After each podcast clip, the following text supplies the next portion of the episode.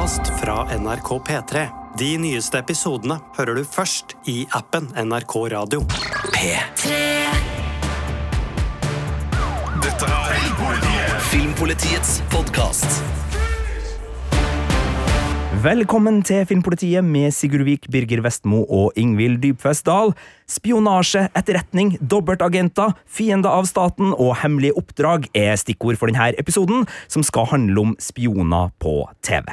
Det er en sjanger som har skapt veldig mye god TV-underholdning, fra den originale Mission Impossible TV-serien på 1960-tallet, via blockbuster-suksesser som Homeland, til realistiske og grublegode titler som Le Byrå. Og også superheltene vil være med. Siste skudd på stammen er Secret Invasion, hvor Avengers-sjef Nick Fury må bruke sine beste etterretningstriks for å prøve å redde jorda fra en utenomjordisk konspirasjon. Vi skal gi dere dommen over den serien og komme med våre beste serietips i spionsjangeren, men først så må vi jo være ærlige på at det var ikke bare enkelt å lande helt på reglene for denne episoden, for det er jo forskjell på etterforskningsagenter, etterretningsagenter, hemmelige agenter, dobbeltagenter, spioner og mer tilfeldige hverdagshelter. Hva tenker du er spennende for spionsjangeren, Ingvild? Ja, for Når du sier spionserie, så tenker jo jeg egentlig på sånn mini trenchcoat med treholdt koffert som utveksler landshemmeligheter.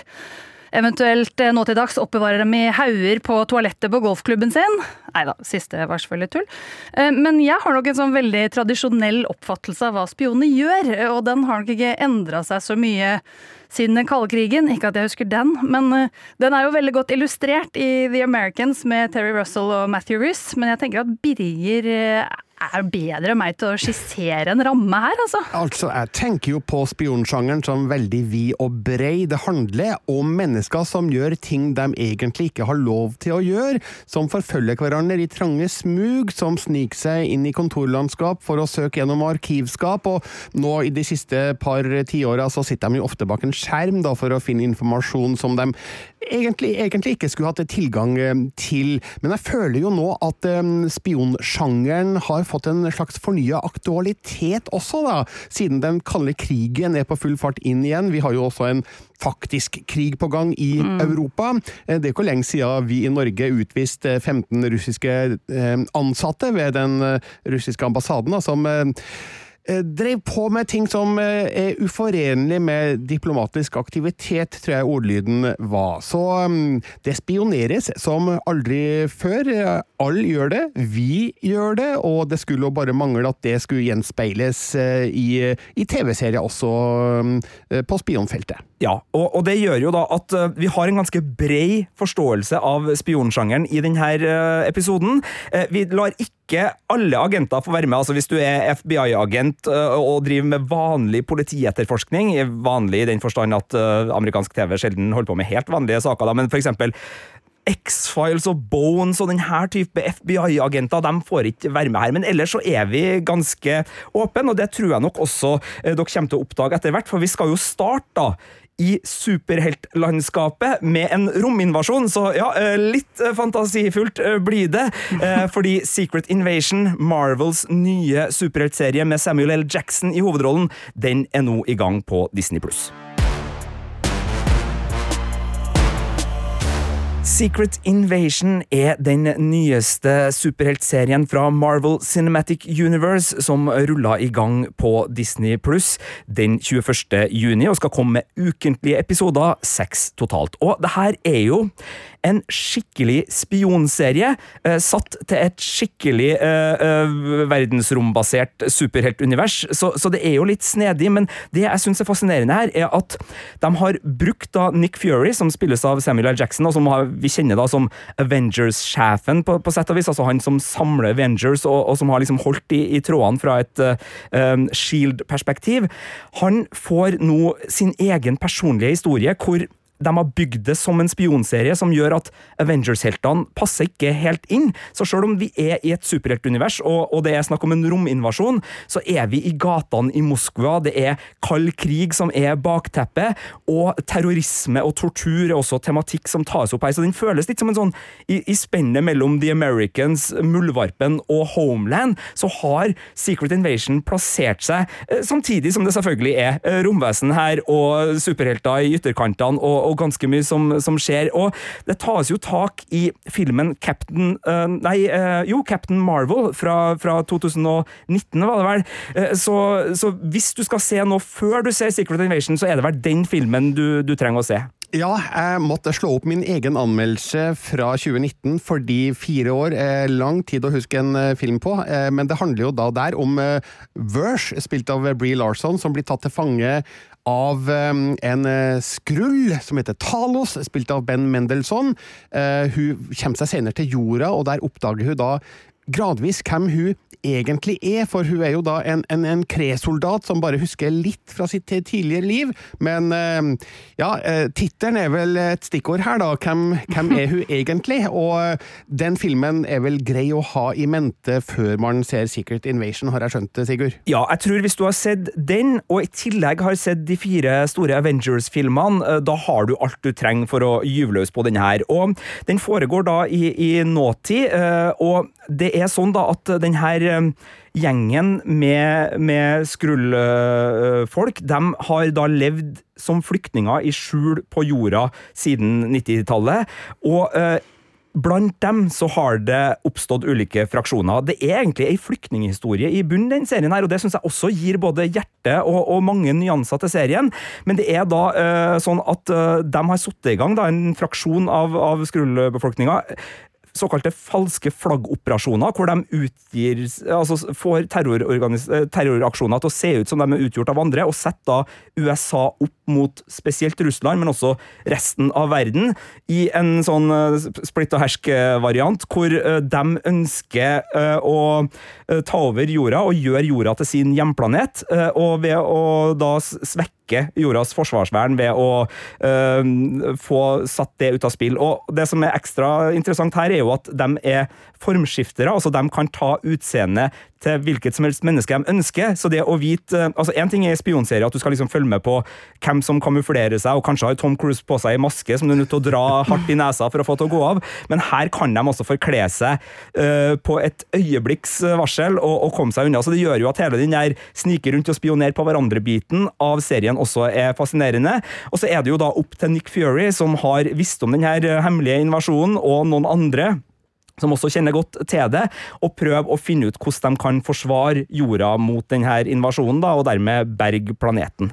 Eh, det var flere fine paralleller du dro her til andre spionserier, men eh, her høres det ut som at vi er i det mer fantasifulle hjørnet. Altså, funker spionestetikken opp mot eh, sci-fi-effektene her? Jeg syns det, og, det var litt det jeg snakka om. Altså, mye av altså, de, de har valgt rollefigurer fra Marvel Cinematic Universe som egner seg i det universet. her. Det ene, det ene, altså det er jo mye dialog eh, framfor eh, eksplosjoner og, og, smadring i den her.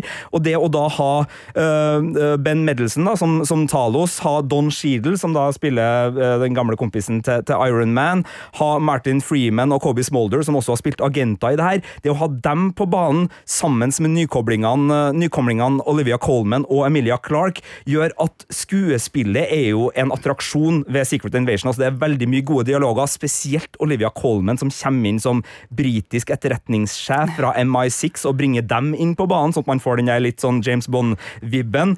Hun og uh, Samuel L. Jacksons Nick Fury, altså, de kunne jo spilt de rollene i en hvilken som helst spionsetting uh, og, og, vært Oscar-kandidater, holdt jeg på å si. Jeg syns jo de er helt fortreffelige. Jeg syns også Emilia Clark, da kjent fra Game of Thrones, kommer inn og gir hjerte hjertet til den flyktninghistoria som, som ligger i bunnen her. For det er klart, det river jo i skrullbefolkninga, det at uh, noen av dem har vokst opp uh, fra de er barn og til ungdommer. altså Det har vært brutte løfter fra Shield som ikke har klart å gjøre det de skal gjøre for den uh, befolkninga her.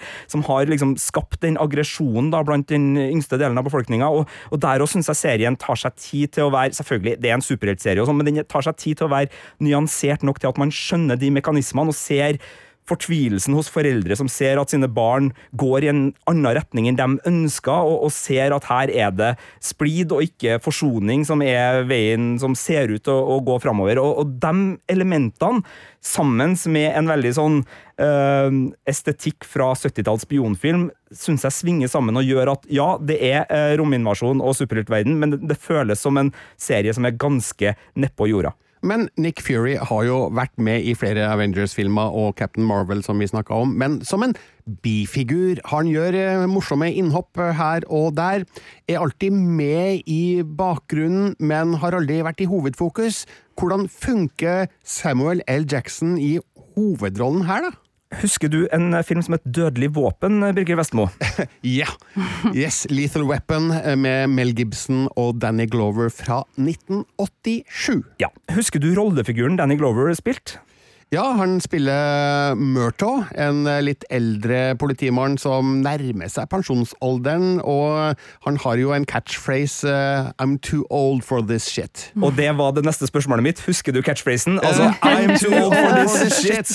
Og det er jo der Samuel L. Jackson legger sin Nick Fury, for han kommer tilbake litt sånn slitt av både værforhold og, og har sitt å stri med, har vært off planet, som vi, det heter i det her universet, og, og han kommer tilbake skjegg skjeggete herja med, og må ta det her oppdraget på sine skuldre, for det er litt hans feil, det her. Og du kan ikke få med The Avengers, fordi altså, hva om uh, de her formskifterne plutselig begynner å være Avengers og skape masse mediasaker med herlighet, Hulk jord gjorde sånn og sånn der og der, og, altså, så, så, han må holde liksom, de mektigste våpnene unna, rett og slett fordi at det her er ikke en, en plass de kan eksistere. Uh, og da får han boltre seg, for han er jo den som kan alle de gamle spiontriksene. Han har alle kodene. Han vet hvordan han skal overvåke, hvordan han skal lure, hvordan han skal manipulere, hvordan han skal rekruttere. Og det å se Samuel L. Jackson, som her får utfolde seg ganske fritt, med både de uh, toneleiene verbalt han ønsker å legge seg på, for uh, det er ikke sånn det er ikke milevis unna Tarantino Samuel L. Jackson vi, vi møter i enkelte scener her. Han er ganske sløy med, med snakketøyet, og han får hver da kul i den der I'm too old for this shit-stilen som han uh, kjører. Han sier ikke det i løpet av de første episodene jeg har sett, riktignok, men det er mye av uh, uh, Roger Murthaugh i, i, hans framførelse. Jeg må jo si at selv om altså, lite, eller relativt lite til Nick Fury i Avengers-filmene, så har han vært en sånn deilig balanse da, til alt superheltfantasmen. sånn at du får liksom noe litt mer realistisk og nedpå jorda oppi det hele. Jeg syns også han, han kler over... Altså, Hvis det er én person fra Avengers-greia du skal ha over, så, så, er det jo han. Og det her er jo ikke første gangen spionsjangeren brukes i, i Marvel Cinematic Universe eller i, i superheltserie. Altså Agent Carter fins, altså det har vært elementer av det i flere, men, men her reindyrkes det på en måte som jeg, jeg syns er kult. Og jeg håper, jeg har jo ikke sett alt, jeg har gitt terningkast fem til, til starten her, jeg håper at de klarer å opprettholde den øh, fine stilen, og det at øh, Hva skal man si, da? Altså, det at Nick Fury er underdogen her, og har en sånn mot alle odds-historie, hvor hans øh, ganske anselige karisma skal forhåpentligvis få lov til å vise dem hvem som egentlig har innersvingene på lur, det er jo det jeg gleder meg til. fordi Hvem lurer hvem-filmer og serier kan jo være helt fantastisk når de liksom treffer med avsløringene opp mot klimaks. og Det tror jeg nok også vi kommer til å komme tilbake til idet vi nå snart skal gyve løs på tipsene av de beste eh, spionseriene vi vet om. For det er lite jeg liker bedre, og det må jeg bare tilstå. altså En god knyttneve fra Arnold Schwarzenegger, kjempefint. En herlig romantisk komedie hvor du bare liksom smelter i sofaen og bare kjenner på den kjærligheten. Et ektefølt drama. Alt er bra, men en spionfilm eller serie som klarer å treffe med hakeslepp rett oppunder klimaks, det er noe av det aller beste jeg vet på skjerm. Kan jeg komme med en liten digresjon? Eh, da Danny Glover sa 'I'm too old for this shit' som Murtoy Dødelig våpen, eh, da var han 41 år gammel. Eh, ingen av oss er yngre enn det, så er det sagt. Takk for uh, den eh, gode uh, informasjonen, Birger Vestmo. Veldig hyggelig. Og med det så tror jeg bare jeg runder av Secret Invasion-praten og sier den har fått terningkast fem. Du kan lese anmeldelsen på p3.no filmpolitiet, og jeg håper den holder gjennom hele sommeren. Da er det på tide å gå videre til kanskje enda bedre serier. Da er det klart for eh, tipsrunde her på spionserie som tema, og vi får da lov til å komme med to hver, og det var ikke bare enkelt.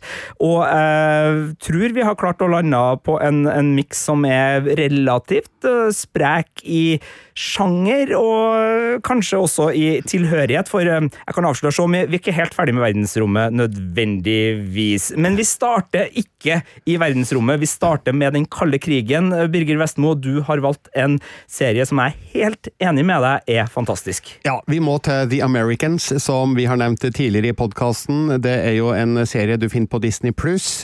Den eh, er da seks sesonger lang, og dette er jo da et eh, spiondrama som gikk mellom 2013 og 2018 med handling midt i den kalde krigen på 1980-tallet. Et eh, tiår jeg har et visst kjennskap til. da. Eh, hovedpersonene i The Americans er Elizabeth og Philip Jennings, som spilles av Kerry Russell og Matthew Riss. Eh, de gir seg ut for å være et helt vanlig amerikansk ektepar med to barn i Falls Church, som er en forstad til hovedstaden Washington, men egentlig er de sovjetiske agenter som utfører farlige oppdrag rett under nesa for eh, FBI. Blant annet agenten eh, Stan Beeman, spilt av Noah Emmerich, som da bor rett over gata og er en god venn av eh, familien. Så når serien starter, da er året 1981. eh, Ronald Reagan har nettopp blitt USAs president. Eh, Våpenkappløpet mellom USA og Sovjetunionen raser for fullt, og mm, Elizabeth og Philip eh, må da stadig stikke kjeppa i hjulene eh, for amerikanske myndigheter, samtidig som de stadig risikerer å bli avslørt, og samtidig som de må forsøke å holde familielivet i gang. For eh, dattera Page, eh, som spilles av Holly Taylor, og sønnen Henry, som spilles av Kadrish Selati, tror jeg det uttales. Eh, De tror jo at foreldrene er helt vanlige folk som jobber i et reisebyrå, og aner ikke at det bare er et eh, dekke for det de egentlig driver på med. Eh, Så The Americans, en kjempespennende serie, eh, prega av utrolig godt manusarbeid, for det første. Og så har jo da Kerry Russell og Matthew Riss en fantastisk kjemi i hovedrollene. Faktisk så god at de ble jo et par på ekte under innspillinga. Fikk en sønn i 2016, og så gifta de seg da for to år siden. Serien har ellers en gullgruve av et eh, persongalleri. Jeg husker jo spesielt godt Margot Martindale og Frank Langella som to FBI-kontakter til Elizabeth og, og, og Philip. Eh, Noah Emmerich eh, som sagt spiller jo da denne FBI-naboen. Eh, og så eh, husker jeg veldig godt eh, Annette Mehandre, eh, som eh, Philips eh, Nei, unnskyld, som Stans tidligere KGB-informant Nina, og Costa Ronin som KGB-agenten Oleg Bureau, og så er jo faktisk Julia Garner med, som mange husker fra Ozark. Hun spiller datter av en CIA-sjef, og er også da elskerinna av Philips dekkfigur Clark. Så her er det mange gode navn med i en serie som du altså finner på Disney pluss. Seks sesonger, alle er like gode, og den har en helt fantastisk avrunding uten å spoile noe som helst. Og her er det kvalitet over hele linja. Jeg elsker hver eneste episode av eh, The Americans. Eh, Det er så å si ingen, ingen negative trekk å finne i hele serien. Jeg må tilstå en ting, da, Birger. For det var jeg som anmeldte finalesesongen av The Americans for Filmpolitiet. Uh oh. Den fikk terningkast fem. Jeg husker jeg og du satt på kontoret da jeg skrev den, og jeg sa til deg da Å, det, det er jo ja, er det Ja, nei, det, det, ja, det blir en femmer. For, for man må jo bestemme seg. Vi har jo tidsfrister. Birger eh, sitter og skal gjøre klar ei radiosending. Det nærmer seg deadline, og ok, man må bare sette noe. Men det skulle ha vært seks. Ja. Jeg har kjent på det i etterkant. Det er en av de terningene som eh, skulle ha vært litt rausere. For jeg, jeg satt der og hadde vel sikkert da et eller annet teknisk funnet et eller annet å trekke for, dreiv og var litt sånn, men jeg syns jo som du sa, den avslutninga. Det er sjelden at serier eh, går ut på det absolutt høyeste. Av og til skjer det. Det skjedde med The Americans, og ja, beklager The Americans, dere, dere ble snytt for en, en sekser der. Ja, men det er godt å høre. Men eh, ikke for seint å snu, Sigurd. Eh, Altså, Du kan ikke endre på anmeldelsen som er ute på, på nett, men eh, du kan jo snakke ekstra varmt da, om The Americans seinere. Og etter at eh, den ble avslutta i 2018, så har jeg jo følt et savn da, etter Elizabeth og Philip eh, Jennings, men så har jo eh, både Kerry Russell og Matthew Riss fått gode serier i kjølvannet av det her. Altså, Vi har jo nettopp sett eh, The Diplomat med Kerry Russell, og Matthew Riss spiller jo hovedrollen i Perry Mason på HBO Max, så um, de som savner The Americans, kan se mer av Russell og Ruth, Ruth mer av Russell og Riss der. Det er gode tips. Og vi skal fortsette med gode tips, og vi skal fortsette innenfor spionsjangeren, men vi skal til en ganske annerledes serie med både eh, litt annet humør og, og litt annen tidskoloritt, Ingvild. Ja, for jeg har valgt meg noe spennende moro, jeg da. Nemlig Slow Horses på Apple TV, som nå ligger med to sesonger, men vi venter vel også en sesong tre om ikke så altfor lenge. Eh, Og den er jo basert på en spionbokserie som heter Slow House av eh, Nick Herron. Og serien er faktisk, har vært nominert til fem BAFTA-priser, så eh, andre enn meg har syntes at denne serien er god. Eh, og det har også noe med en av eh, hovedkarakterene her, eh, nemlig Gary Oldman, som spiller Jackson Lamb. Han er leder for en avdeling kasserte agenter, kan vi vel kalle det, i den britiske etterretningstjenesten. Og de opererer fra da et, en bygning som kalles Slow House. Og her havner River Cartwright, spilt av Jack London, etter en giganttabbe, og han prøver desperat å grave seg ut av det han mener er et hull da, som han har havna i. Eh, og da vi møter dem først, så er det i forbindelse med en kidnappingsskandale, så er eh, MI5 interessert i å dumpe ansvaret over på noen andre. Eh, og de avdankede agentene, som selvfølgelig da bare blir kalt Slow Horses, blir da dratt fram fra skyggene, for det er jo nettopp den type ting de er praktisk ting til. De er jo egentlig avskrevet, men samtidig kjekt å ha noen som, eh, som de liksom offisielle kanalene kan ta eh, og skyve ansvaret over på hvis noe går gærent. Og så kan de likevel også ta æren hvis de skulle lykkes med oppdraget. Sånn etterretningskanonføde. ja, de blir jo det. Men Gary Oldman er altså, altså jeg, vet, jeg, har jo ikke, jeg har jo til gode å se han dårlig, men han er så deilig som en ufordragelige og skitne og slubbertaktige Jackson Lamb. Og i tillegg så har du jo Kristen Scott Thomas som en sånn utsøkt arrogant eh, MI5-sjef, eh, som en, i en god kontrast da, til han herre slaskete fyren som sitter på Slow House. Eh, og den derre brokete gjengen med agentutskudd fungerer også veldig fint sammen, selv om de alle har ulike grader av liksom ufordragelig, udugelig og bare underlig. Ja, han tech-hjelpa deres, som er liksom Ja. datakyndig over eh, alle evner, han er altså så artig, arrogant og høy på seg sjøl at det blir jo bare eh, festlig hver eneste gang de trenger litt hjelp av han, for da er det altså uh, vittige replikkvekslinger av den tragikomiske sorten hver bidige gang, syns jeg. Men eh, godeste Gary Oldman, han eh, har jo vært agent eh, før. Vi må nesten Ja. nevne det, at han spilte jo hovedrollen i Tinker Taylor Soldier Spy, eller Muldvarpen på norsk, da. Thomas Alfredssons fantastiske filmatisering av John Le Carrés roman. Vi burde også ha nevnt den eh, BBC-serien basert på samme roman her, eh, der Alec Guinness spilte George Smiley, som da Oldman spilte i filmversjonen. Eh, Den går jo for å være utrolig god, altså en, en reell spionklassiker i serieformat. Problemet mitt er at det er så utrolig lenge siden jeg så den serien at jeg ikke lenger husker navn, men eh, når jeg går på nettet, så finner jeg bare helt sånn top notch-anmeldelser av eh, den originale BBC-serien, så er den i hvert fall nevnt. Det er veldig bra. Vi skal, vi skal name-droppe flere. Vi, vi skal jukse masse her. Og vi, jeg tror også vi er nødt til å bare erkjenne at ja, nå handler det om TV-serie her, for det var inngangen med Secret Invasion, og, og det er nydelig med TV-serier, for de har så muligheter til å fortelle så store historier. Men at det blir en spionfilmpodkast fra Filmpolitiet eh, ved en senere anledning, det tror jeg også vi må få, og da er vel uh, allerede første uh, uh, plassen tatt omtrent med, med Muldvarpen. Men hva, hva er det? Altså, det er to sesonger med, med Slow Horses.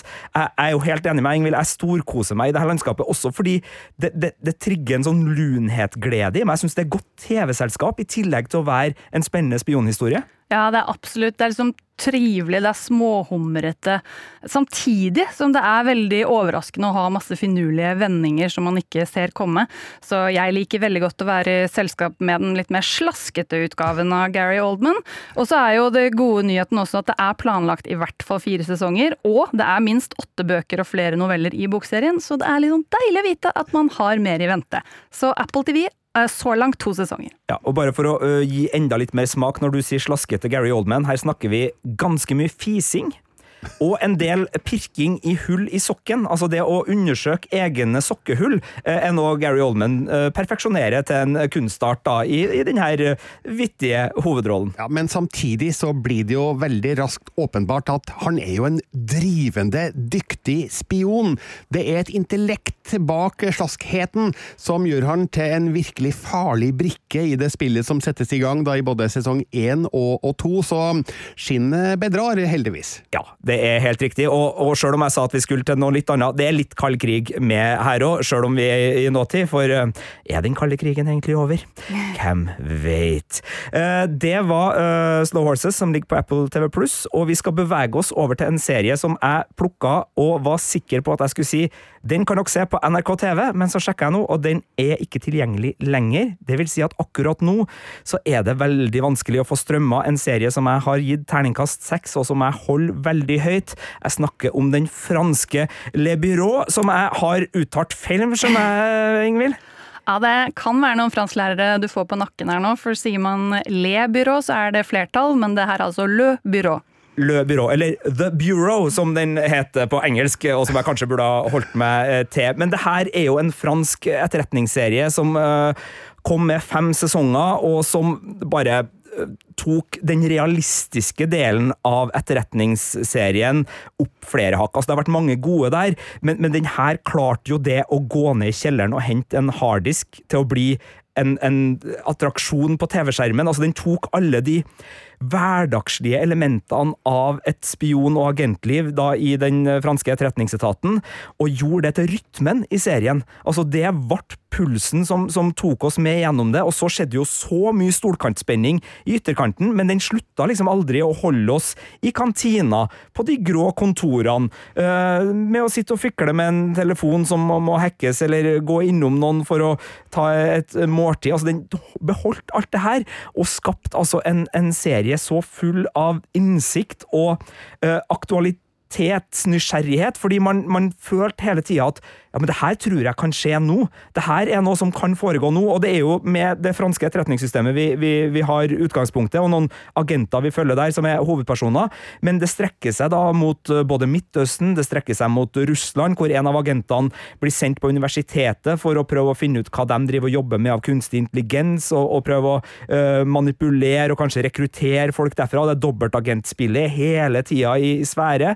Og så er det altså så mye interessant på liksom metode for spioner eller etterretningsagenter, og, og ting som liksom er i spill på, på alle nivå, da, helt fra liksom de som jobber bare teknisk med, med og, og, og, på en måte analysere metadata og finne ut hvor ting er, til liksom uh, sånne droneangrep som vi kjenner mer fra Homeland og, og uh, andre mer sånn action-baserte serier. jeg, jeg syns den serien her var for meg alt.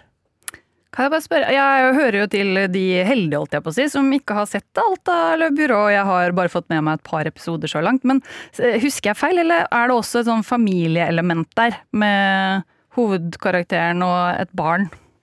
Ja, han har ei datter, eh, det godeste Malotru, som eh, han har et litt vanskelig forhold til, og i hvert fall når han må ut i verden som spion, så er det en utfordring å vedlikeholde den relasjonen, eh, det kan jeg vel si. Det jeg også må si til de som ikke har sett Le Byrå før, er at den, den, den tar noen episoder før den griper tak i deg. For jeg husker spesielt den første og andre episoden, så ble vi liksom bare kasta rett inn på dette spionkontoret, uten noe sånn spesifikk introduksjon av figurer eller sammenhenger, eller hva de egentlig drev på med. Man ble nesten overlatt litt til seg sjøl, eh, til å sitte her og sette sammen bitene til et puslespill. Eh, hvem er hvem, hva driver de egentlig på med, med her?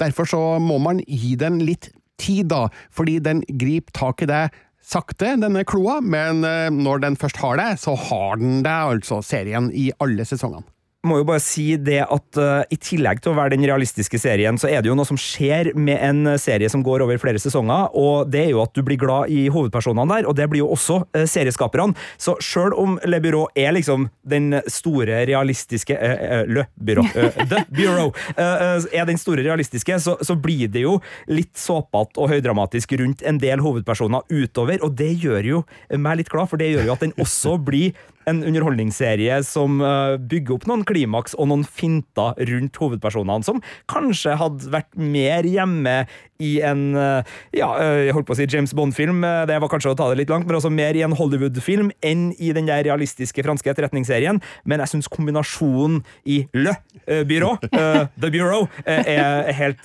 fortreffelig, så, så, den får fremdeles terningkast seks av meg. Jeg kan nevne at selv om den ikke er tilgjengelig på strømming, dessverre, så er den utgitt på Blu-ray og DVD eh, hvis du går i utenlandske nettbutikker. Det koster bare eh, litt penger, men eh, for de som virkelig elsker spionsjangeren, så er Le Byrå virkelig verdt en, en tusenlapp på, på Blu-ray. Ja, det er, veldig mye penger, jeg vet det, men Le Bureau, Bureau, The Bureau er verdt det. Ja, eh, og her kommer snikskryt, eh, fordi nå, nå, skal jeg eh, da nevne at før Le Byrå kom på norske skjermer, så hadde jeg selvfølgelig kjøpt den DVD-en, for det her var jo en serie. Det gikk veldig mye lovord om før den kom til Norge, så sesong én har jeg på, på, disk, men resten Fytti rakkeren, jeg var sikker på at det var i NRK-spilleren, men der sto det den her kjempetriste beskjeden ikke ikke lenger tilgjengelig.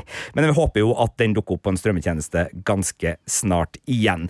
Men en serie som er tilgjengelig, og som har hele åtte sesonger, og som vi i Filmpolitiet har likt veldig godt også, det er en som er kanskje den aller mest sette av de seriene vi snakker om i denne podkasten, Birger. Ja, det er Homeland som eh, ligger på Disney pluss med åtte sesonger. Amerikansk eh, spionserie som gikk fra 2011 til 2020.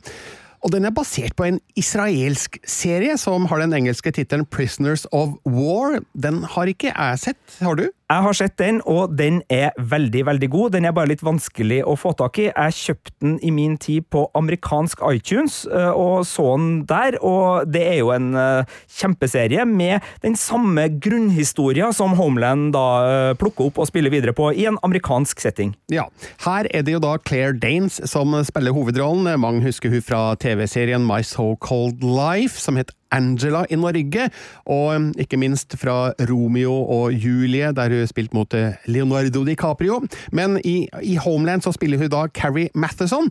En uh, drivende dyktig CIA-offiser som sliter med en uh, bipolar lidelse. I sesong én ser vi hvordan hun må håndtere um, Nicholas Brody, spilt av Damon Lewis, som da er en snikskytter fra Marine Corps, som har vært fange hos Al Qaida, og som Claire mistenker har blitt hjernevaska og omvendt, og um, utgjør en trussel mot uh, USA. I senere sesonger utfører hun spionarbeid både i Beirut, Kabul, Berlin og hjemme i um, USA, og det, det handler hele tida om psykologisk krigføring, om avverging av terror, uh, avslør andre trusler mot USA, og selvfølgelig da innhenting av uh, informasjon. Og denne hovedrollen er Claire Danes rett og slett fantastisk i. Hun har vunnet to Emmy-priser for den, og det at Carrie Matheson er bipolar, gir eh, Danes mange strenger å spille på gjennom eh, hele serien, samtidig som man blir jo da imponert over eh, Carrie Mathersons egenskaper og utholdenhet som agent. Altså, hun er ingen sånn superuovervinnelig agent, men et menneske med en indre drivkraft som, som serien gradvis avdekker. Og også her, som i The American, som jeg snakka om tidligere, så er jo persongalleriet rikholdig. Eh, Den klare favoritten min er jo Mandy Patinkin, som Carries eh, CIA-mentor Soul Berenson. Går det an å abonnere på eh, sånn eh, Han leser bestefar-stemme og, og forteller deg at alt går bra? For maken til trygg, god stemme har ikke jeg hørt, tror jeg. jeg. Altså, Kunne vært en alternativ Better Call Saul. Ja, det er ikke sant. Det det burde jo være Carrie Mathersons call phrase, eh, eller catchphrase, better Call Saul. Um, men hun har jo da et komplisert og, og vekslende forhold til Saul Berenson gjennom eh, stort sett hele serien. Mange husker også Rupert Friend som eh, Peter Quinn, en av CIAs beste hitmen, eller ja, leiemorder blir vel det på norsk, da, eh, som har en stadig vanskeligere og, og mer brutal story arc, eller historiebue om du vil, kanskje er seriens mest eh, tragiske figur.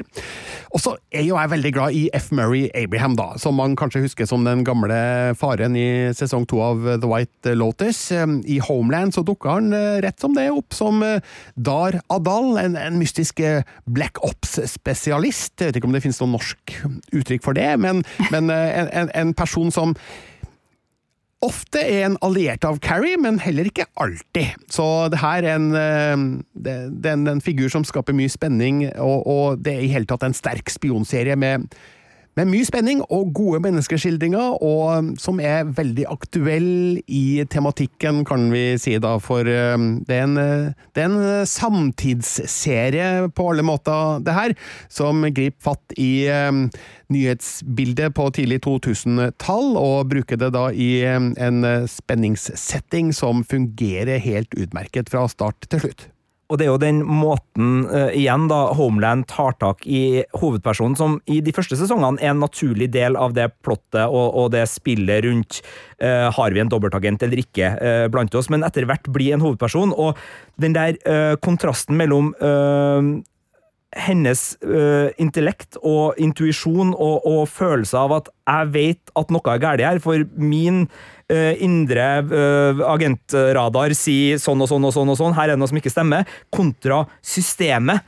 Og, og, og, og måten systemet også blir en trussel for oss, det syns jeg er veldig fascinerende med Homeland. Fordi man skulle jo ønske seg at man er i trygge hender så lenge det amerikanske etterretningsapparatet eller det europeiske etterretningsapparatet liksom eh, jobber sånn som det skal, så vil gode tips og gode magefølelser blir undersøkt og etterforska sånn, men her blir vi jo gang på gang påminnet at av og til så kreves det det der eh, mot systemet-risikoen som, som Claire Danes gang på gang er nødt til å, å gi seg ut på, og, og selv om det kanskje ikke skaper den største troverdigheten og realismen i serien, så skaper det jo vanvittig god spenning, noe som gjør at Homeland sesong etter sesong imponerer. Det har vært noen sesonger hvor jeg har vært nede på terningkast fire, men også den siste, da var de oppe der og slåss igjen med, med de aller beste spenningsseriene, fordi de klarer å, å både holde det der personlige fokuset, nesten som en actionhelt, blir vår hovedperson som må trosse alle odds, samtidig som jeg syns det spillet rundt oser av nok troverdighet til at jeg blir hekta på. Ja, det er, det er mye TV å gå i gang med. Åtte sesonger, men hvis du ikke har sett Homeland før, så er det bare å gyve løs på det, for eh,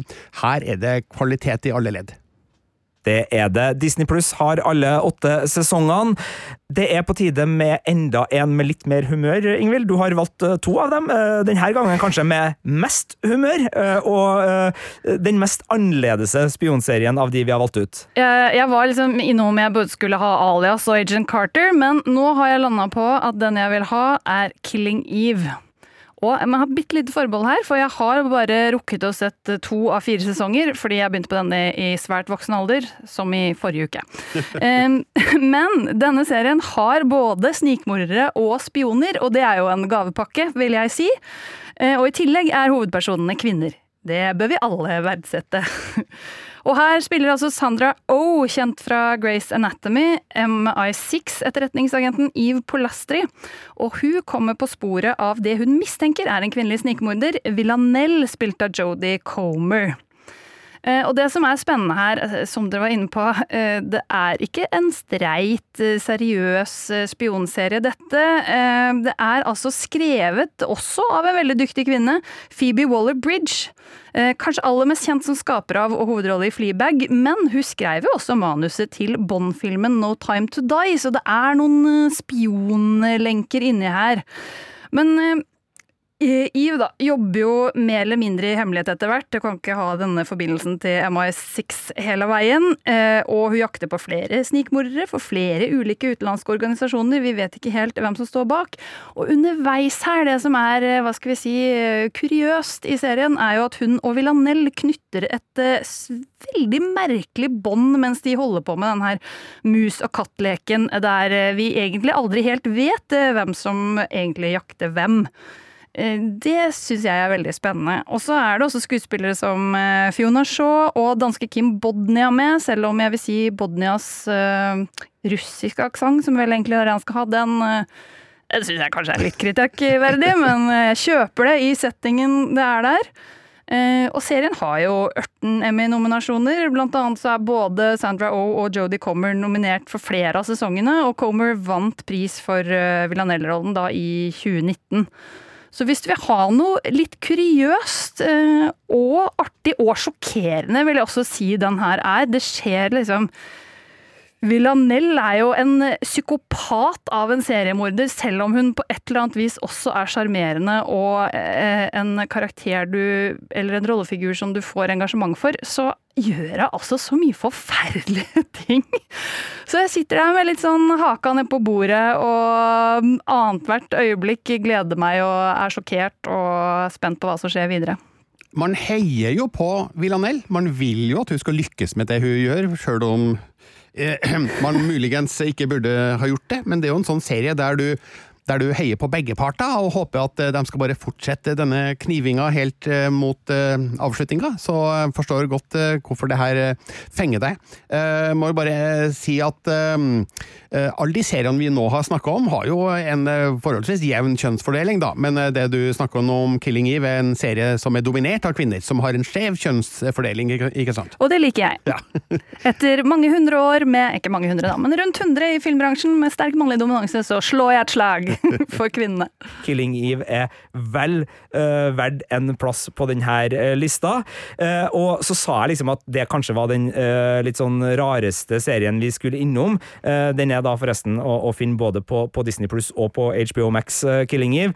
Men det er vel egentlig en løgn fra min side, for den siste serien jeg skal ha med nå, er nok den spionserien som er lengst unna eh, det normale, og det man kanskje ville ha tenkt på innenfor sjangeren. For vi skal jo til en galakse eh, langt, langt borte for lenge, lenge, lenge siden, nemlig til Star Wars, eh, for å finne Andor, som er ute med sin første sesong på Disney Pluss der også. Og der vi starta denne spionpraten i superheltsjangeren, så skal jeg avslutte den i eh, Star Wars-universet. Og det er jo fordi det her er en serie som overraska oss da den kom i eh, fjor høst, med å være et veldig alvorlig stykke Star Wars sammenligna med mye av det andre vi har fått. Her var det ikke romeventyrwestern med glimt i øyet og masse humør. Her var det undertrykte mennesker som levde i et totalitært regime under imperiets knallharde hvite støvel, og som da vi ser starten av den gryende opprørskampen, og skal ikke avsløre for mye, men altså det vi ser i den aller første Star Wars-filmen fra 1977, om en viss dødsstjerne som det må kjempes om, her er det kampen for å få tak i Uh, informasjon rundt det her, altså informasjon som muliggjør motstandskampen, som er sentralt. Og det involverer jo spionasje virkelig, fordi her er det jo både toppolitikere innenfor imperiet som er dobbeltagenter, her er det uh, andre som lever et dobbeltliv, både da som tilsynelatende gode borgere av imperiets uh, flotte verden, mens på andre sida så driver de da med hemmelige oppdrag og, og skaffer seg og kjøper seg informasjon, rekrutterer agenter til oppdrag, utføre veldig mye høyrisikable ting og tang. Og det er jo der eh, jeg blir så fenga av Andor, som selvfølgelig også er en Star Wars-serie, en fengselsfruktserie, en heist-serie og veldig mye annet, men, men det er den der kampen mot undertrykkelsen som, som virkelig fenga meg, og der er spiondelen sentral. Og jeg vet, jeg er jo ikke alene om å like denne serien, Birger. Nei, uh, uh, jeg er helt enig med deg. Det er en fantastisk eh, god serie som ikke har behøvd å være en science fiction-serie. Den kunne fortalt den samme historien lagt til et mer realistisk univers, men det at den foregår i Star Wars-universet er jo en added bonus for oss gamle Star Wars-fans. Men det som du sier, at den benytter seg jo av spionsjangerens eh, teknikker og fortellergrep. eh, Sniking, overvåking, eh, forkledning. Altså den scenen i den første episoden der Stellan Skarsgård endrer personlighet rett foran kamera, er jo helt genial. Og øh, det er jo en, en, en serie som har et følelsesspekter som ligger mer nært det tradisjonelle enn det den morsomme delen av Star Wars-universet vanligvis har å by på. Så øh, det gledeligste med Andor er at den viser at Star Wars-universet kan brukes til alt. Altså, Ja. det kan lages crazy komedie, det kan la, være space westerns, det kan lages også veldig mm, grått drama, som Andor ofte er. Ja, og Du nevnte jo Stellan Skarsgård her, som da spiller Luthen eh, Rael i denne serien, og han har jeg skal ikke avsløre så mye av handlinga her, for dere skal få lov til å kose dere med Andor eh, uten at vi har gjort det, men han har en tale om hva det koster. Nå ble jeg litt sånn tremolo på stemmen her, fordi den scenen er utrolig sterk. Men altså, han, han blir konfrontert av en av spionene han har under seg, for han er jo litt sånn eh, spymaster, eh, som liksom lurer på sånn Ja, enn du, liksom, hva er det du ofrer her?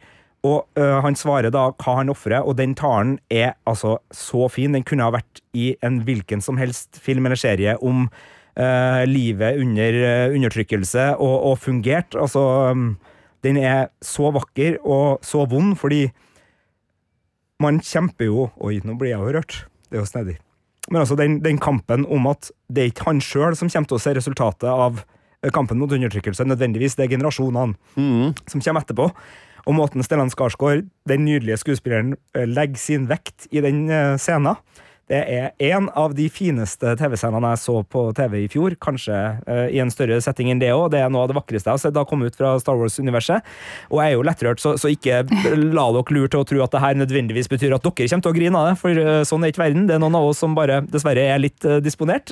Men det, det gir sånn hjerte og sånn tyngde til den årsaken til spionasjen. Eh, og, og det bærer eh, Andor så fint med seg, og så vet man jo hvor det ender, fordi det her er jo en forløper til Star Wars-filmer vi vet om, både med Rogue One og uh, A New Hope, men det rollegalleriet her er for denne serien uh, alene, og vi vet hvor viktig det er, men, men de klarer også, uavhengig av det, å, å gjøre den utrolig severdig. Og du nevnte jo Fiona Shaw, som spiller i, i Killing Eve. Hun spiller også en veldig fin rolle her, eh, som også har en tale i, i siste Så det er veldig fint jeg, Episode, Sigurd, at ja. du også kommer med spionserie vi kan snørre til.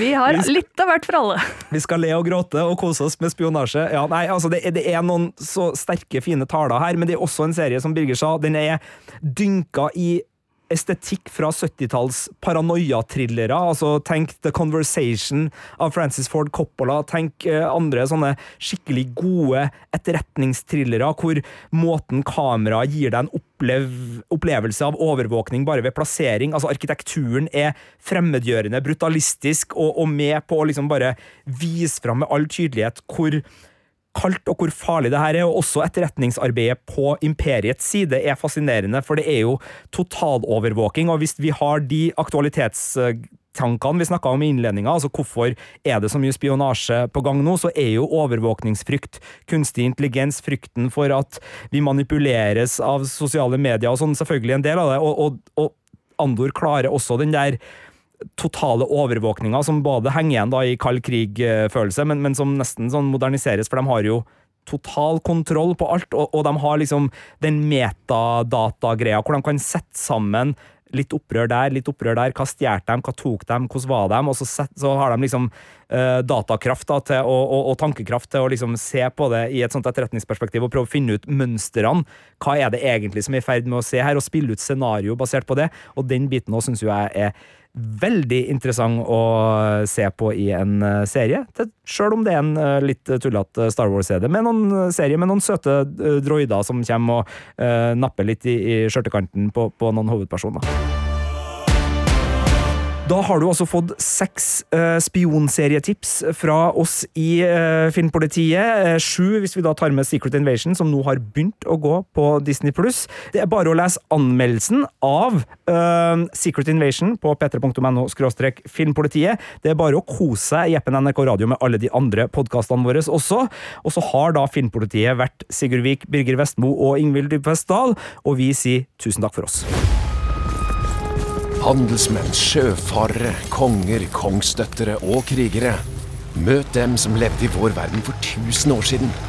Episke slag, guder, legender og eventyr da verden ble gjenoppdaget. Hør om deres dramatiske liv og tid, basert på Snorre Sturlasons udødelige historier. Hør Vikinger i appen NRK Radio.